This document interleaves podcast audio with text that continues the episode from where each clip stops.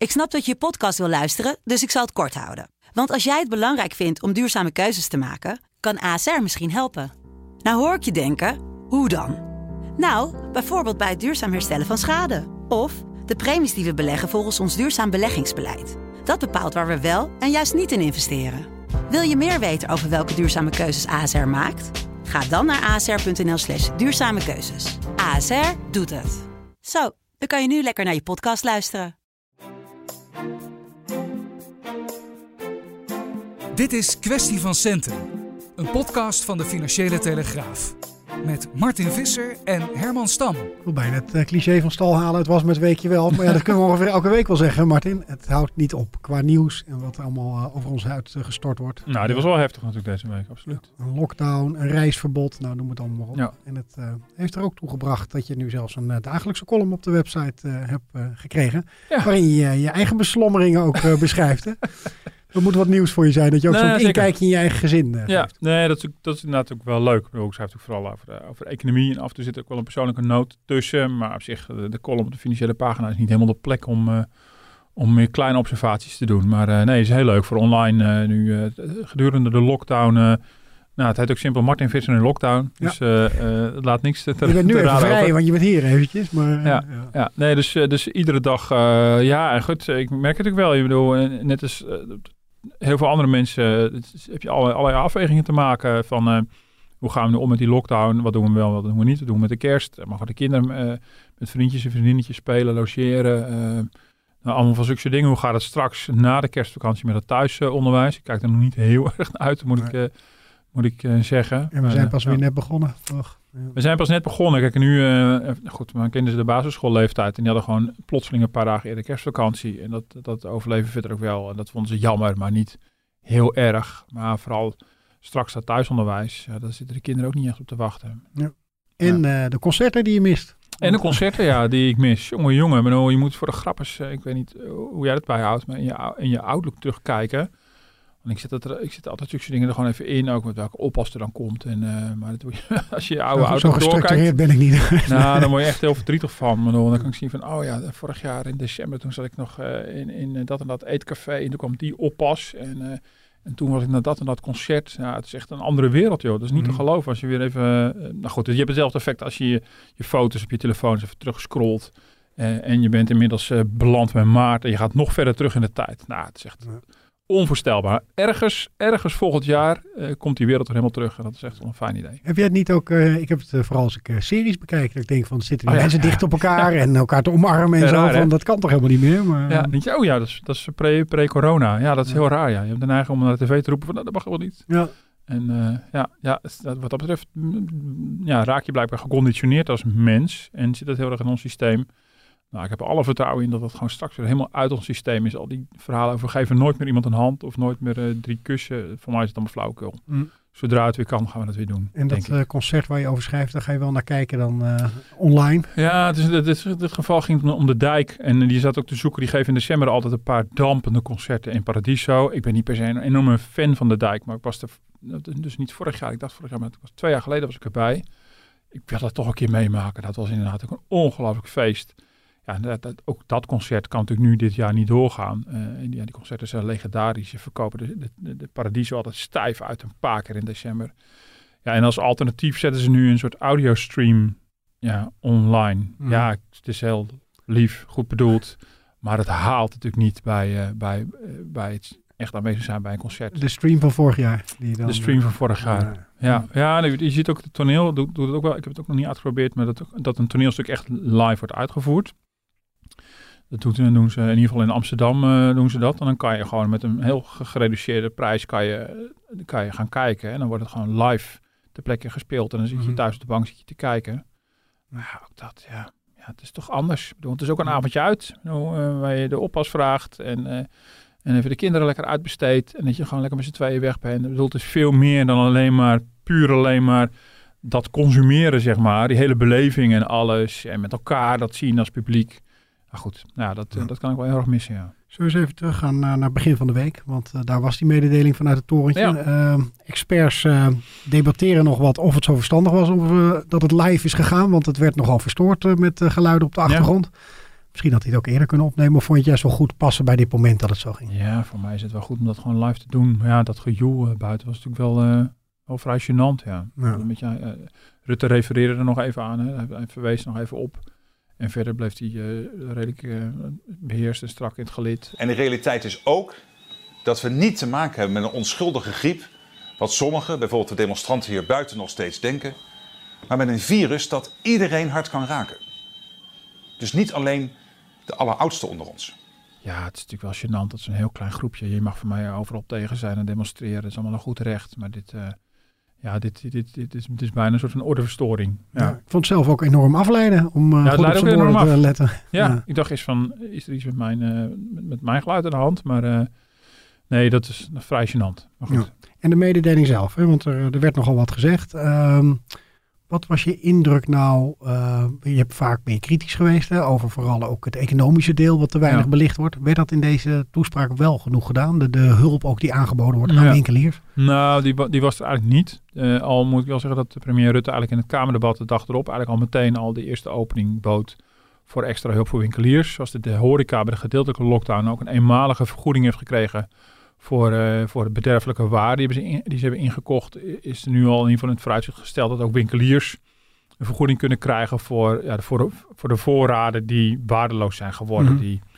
modegevoelig zijn. Of Ja. iets eigenlijk. Ik weet niet precies De, de, kerst, eh, kerstversiering of eh, Ja, dat soort dingen. dingen. Dus heel veel dingen zullen opnieuw gebruikt kunnen worden. Maar goed, je hebt natuurlijk, eh, die winkeliers hebben natuurlijk van alles nog wat ingekocht. En, Mhm. en, ja, en daar komt dan een vergoeding voor. Het was niet zo dat er in de, in de, in de toespraak zelf al, al die opening al werd, werd geboden. Maar goed, dat het de dag erop het eerste kwam. Maar goed, inmiddels zijn we het patroon natuurlijk gewend. Er worden eerst coronabeperkingen aangekondigd. En dan hobbelt dat steunpakket hobbelt erachteraan. En dan begint de lobbymachine op gang te komen.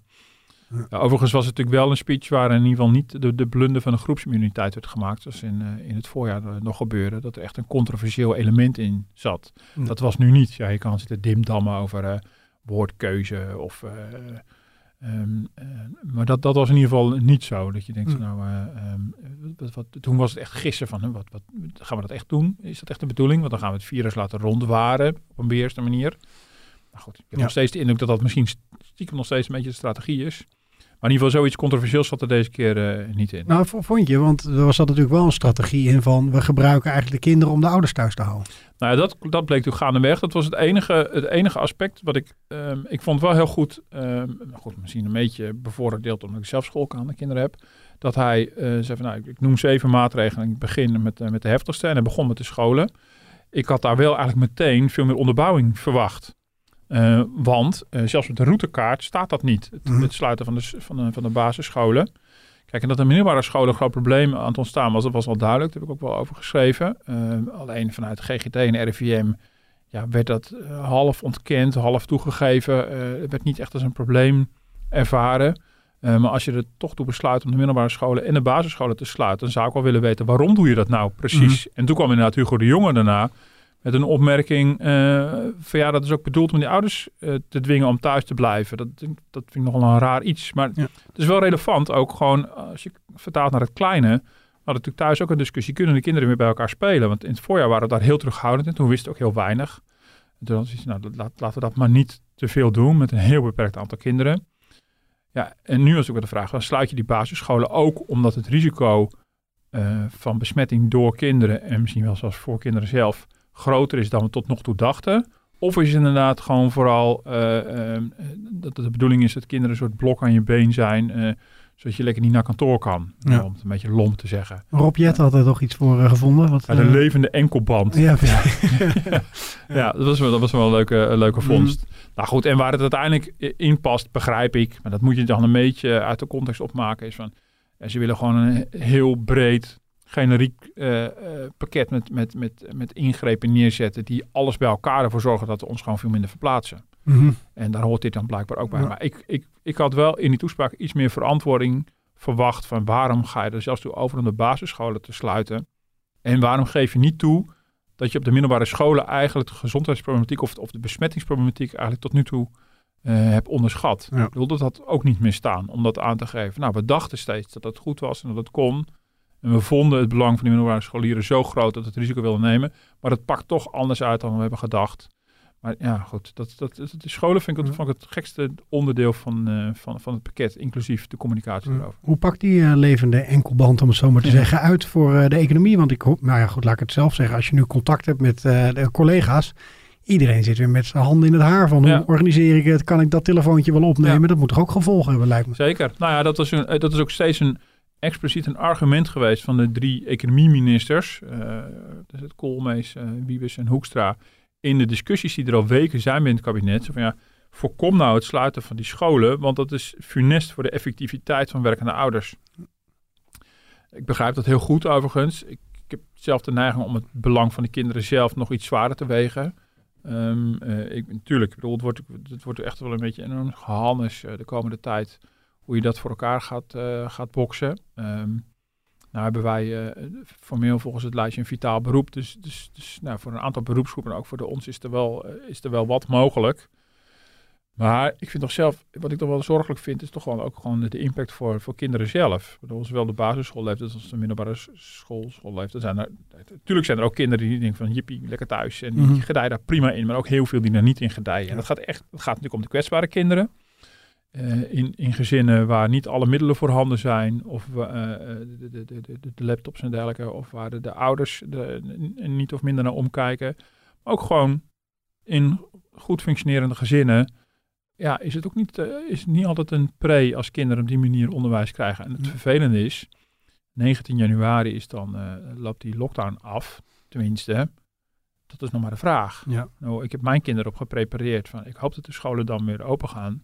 Maar misschien ook wel van niet. Mhm. En eh, nou, je gevoel zegt dat de basisscholen als eerste weer gaan opengaan als de versoepelingen komen. Maar je weet het niet. Ehm, dus ehm, nee, de impact denk ik voor, voor die scholieren is denk ik ook best wel groot. Voor hun sociale ontwikkeling, voor het leren. ehm, Ja. Je hoort al verhalen hè, dat er uh, coulanter mee omgegaan gaat worden dit jaar. Maar Ja. je gaat gewoon pas waarschijnlijk over een aantal jaren merken wat voor een impact het heeft gehad. Ja, ja, en of het nou voor, voor alle kinderen nou echt een blijvend effect heeft, ik weet het natuurlijk allemaal niet. Maar ik, ik merk gewoon wel in mijn eigen omgeving dat de impact best wel groot is. Ik bedoel, Mhm. die impact is... eh, ja, en ook gewoon voor de belevingswereld van die kinderen. Want mijn kinderen waren echt verbolgen. Van, ja, wij, bedoel, ze kijken jeugdjournaal, dus ze zijn zeer goed geïnformeerd. Mhm. En dan zeg maar, bedoel, wij waren toch geen probleem in die coronacrisis. En het was ook heel fijn dat je gewoon zeker die kleinere kinderen gewoon helemaal buiten die crisis kon plaatsen. Ik bedoel, ze maakten, kregen er genoeg van mee.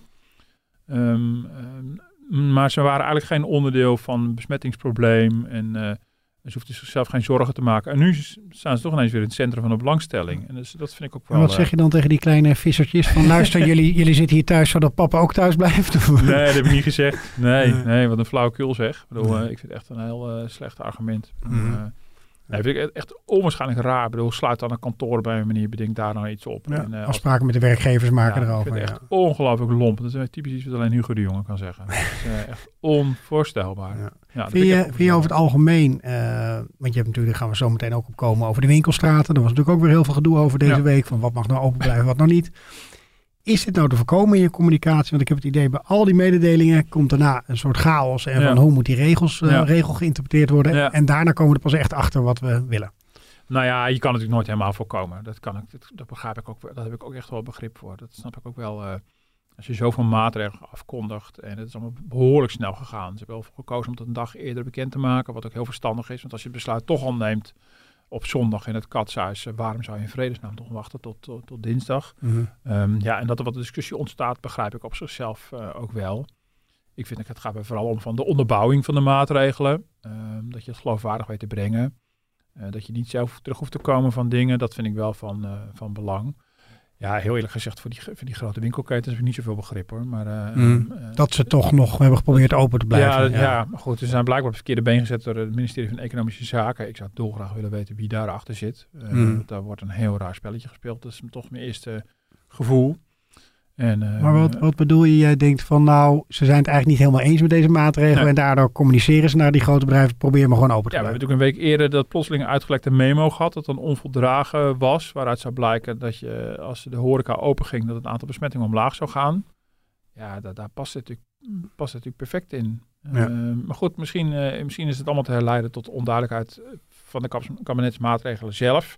Maar ik bedoel, er was natuurlijk meteen brede verontwaardiging. Want iedereen begreep bij deze lockdown, ja, het past natuurlijk niet de openstelling van de Vibra. Ik kan me echt gewoon, ik kan geen argument verzinnen Mhm. waarom eh, de Vibra dan eh, essentieel zou zijn. Ik vind dat dat er al heel ver gegaan wordt met, met de essentiële winkels. eh. En met alles wat voedingsmiddel is, is, is dan essentieel. De bakker, de slager, de groenteboer, ik gunst het allemaal van hart hoor. Maar de, de, de, de, de, de, kaaswinkel, de notenbar. je, je mag kerststukjes buiten op straat verkopen. Echt, Mhm. Ik vind dat wel de, een gewoon winkelcentrum in een, in een woonwijk. Daar is behoorlijk veel open. Ja. Eh, misschien is het ook wel logisch hoor, maar dan, dan, de- dus ik denk dat vooral de binnensteden geraakt worden met de kledingwinkels, de schoenenwinkels, eh, de, de warenhuizen. En misschien is dat ook precies, precies de bedoeling. Maar dat zelfs eh, de Action en de Vibra en de Hemaat in hun hoofd halen om te bedenken dat, dat hun worst en repen essentieel zijn, kom nou toch. Ja, of het argument van, maar luister, dan haal je de Ja. druk wat meer weg bij de supermarkten. Ja, ja nou dat is, dat is nou een uitgelekt memo van eh, economische zaken. Mhm. Ja, dat is natuurlijk, ja, het zal allemaal wel hoor. De bedoeling is dat we allemaal terughoudend zijn. Mhm. En eh, anders was de opdracht geweest van, ha, laten alle winkels open, maar we moeten ons meer gaan spreiden over de winkels. Maar dat was duidelijk niet de opdracht. De opdracht was hem, in principe wil het kabinet alles sluiten, behalve wat strikt noodzakelijk is. Ja. Dus iedereen thuiswerkt, behalve mensen met een cruciaal beroep. Ja, dat, ja, ik vond het niet, in dat opzicht niet zo'n ingewikkelde boodschap. Maar misschien dat eh, deze grote winkelketens eh, dat net even anders zagen. Ja, wat, eh, wat denk je dat het voor de winkelstraat überhaupt gaat betekenen? We denken dan nou, dat in ieder geval tot 19 januari zal dit plaatsvinden. Ja. Maar je ziet natuurlijk een grote trek nog meer in online aankopen. Kan de, de kleine sigarenboeren en zo die klanten wel weer terugwinnen, denk Ja, je? nou, dat wordt wel een probleem, denk ik. En ik- je ziet wel, ik denk dat je hetzelfde ziet gebeuren wat bij de kredietcrisis ook gebeurde. Behalve dat de twee crises zijn totaal anders van aard. Maar in beide gevallen zag je natuurlijk dat een crisis natuurlijk een soort, soort versneller, een accelerator is van al een gaande trend. De digitalisering en het online kopen was natuurlijk in Nederland, ging al heel hard. En ehm, ehm, nou ja, dat zie je natuurlijk nu ook. Bedoel, eh, in onze straat is, de, is de, de, de bezorger van pakketjes is een vertrouwder gezicht dan de postbode. Mhm. Hij heeft wel een- inmiddels een beetje de functie van de postbode van vroeger. Ja. Hij weet precies waar iedereen woont. En van, oh, die werkt vandaag. eh, die werkt vandaag, dus ik leef bij de buren af. En eh zegt ongelooflijk. Wel tegen wat andere arbeidsvoorwaarden dan de postbode van vroeger. Eh, Mhm. dat, dan, dat dan weer wel. Ja. Moet ook allemaal wel op een koopje. Maar dat is natuurlijk een trend die al gaande was. En dat krijgt ook nu een extra enorme boost. En nou, ik weet niet of vijf weken lockdown meteen de doodsteek is voor de winkelstraat. Maar dat was natuurlijk al best wel ingewikkeld voor heel veel, eh, heel veel winkels. In de kredietcrisis zijn echt heel veel, heel veel ketens omgevallen en failliet gegaan. Eh, ja, en nu, eh, nu, nu, ja, dit is ook wel een klap. En zeker voor die kleinere middenstander, ja, voor, waarvoor het heel ingewikkeld is om ook een, een goed draaiend online kanaal te verzorgen. Want ga als, als kledingboutique maar concurreren met Zalando Mhm. of als, als, als kleine boeken speciaalzaak met de bol.com. Ja, dat is, dan moet je het echt helemaal hebben van de goodwill van de klant.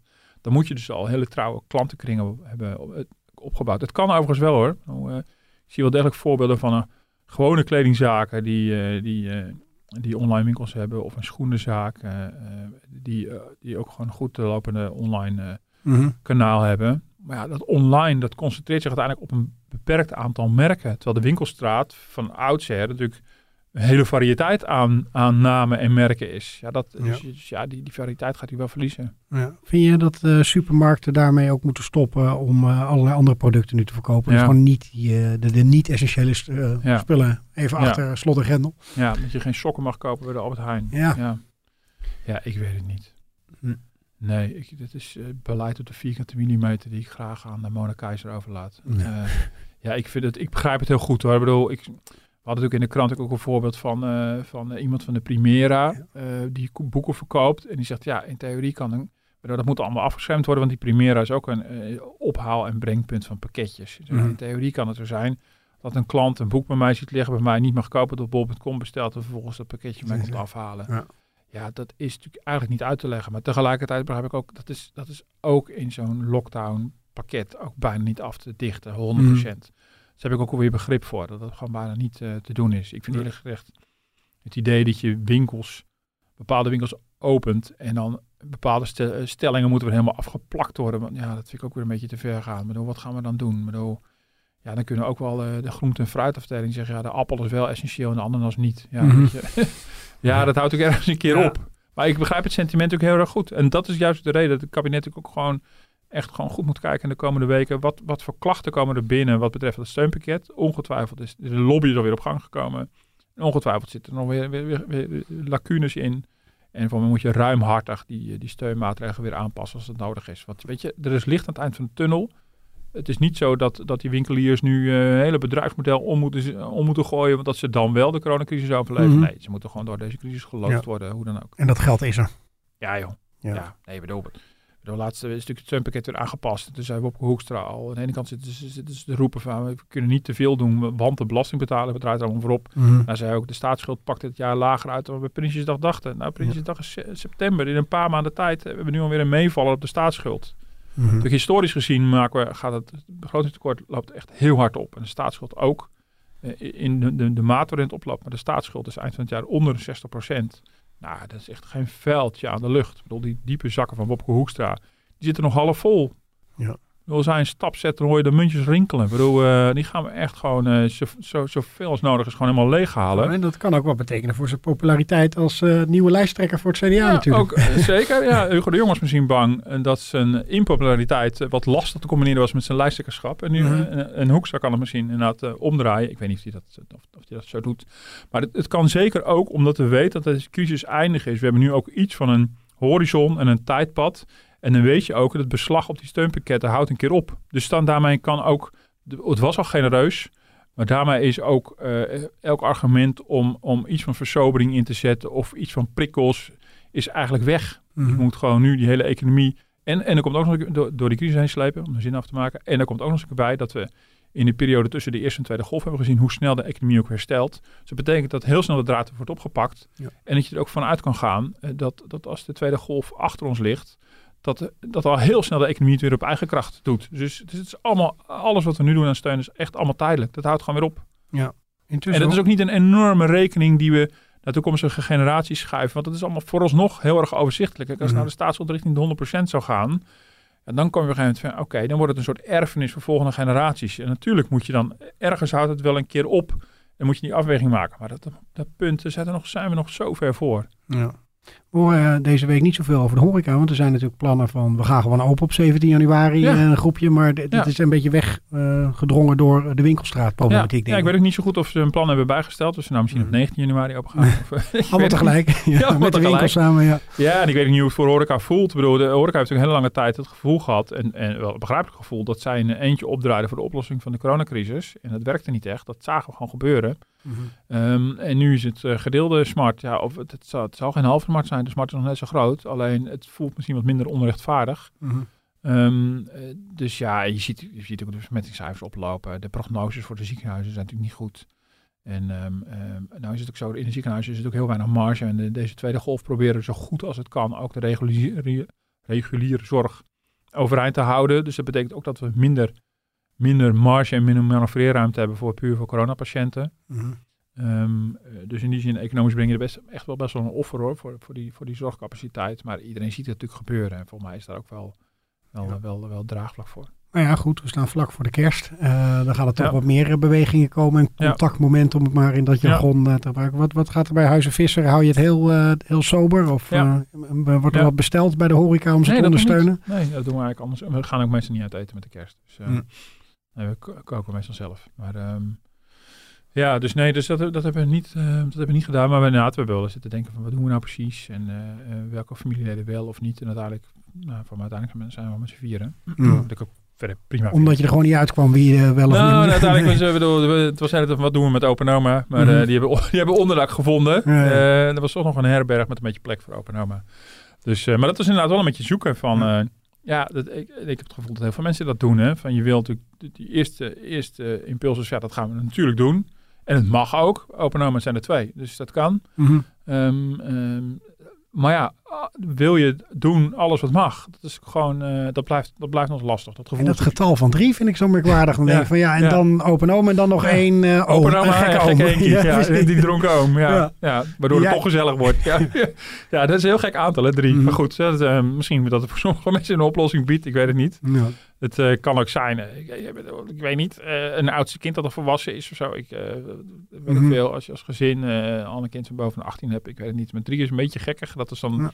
Dat is dan de uitlaatklep. Het is twee, met de kerst mogen er drie. Ja. En ehm, ik weet niet of veel mensen daarmee geholpen zijn. Maar ja, dat moet ieder voor zich moet dat weer even bepalen. Hoe gaan we dat nou, eh, hoe gaan we dat exact doen? En in de kerst is in die zin natuurlijk gek. Dan heb je de schoolvakanties, die hadden natuurlijk sowieso. Dat is heel gunstig voor de cijfers. Zeggen met herfstvakantie ook.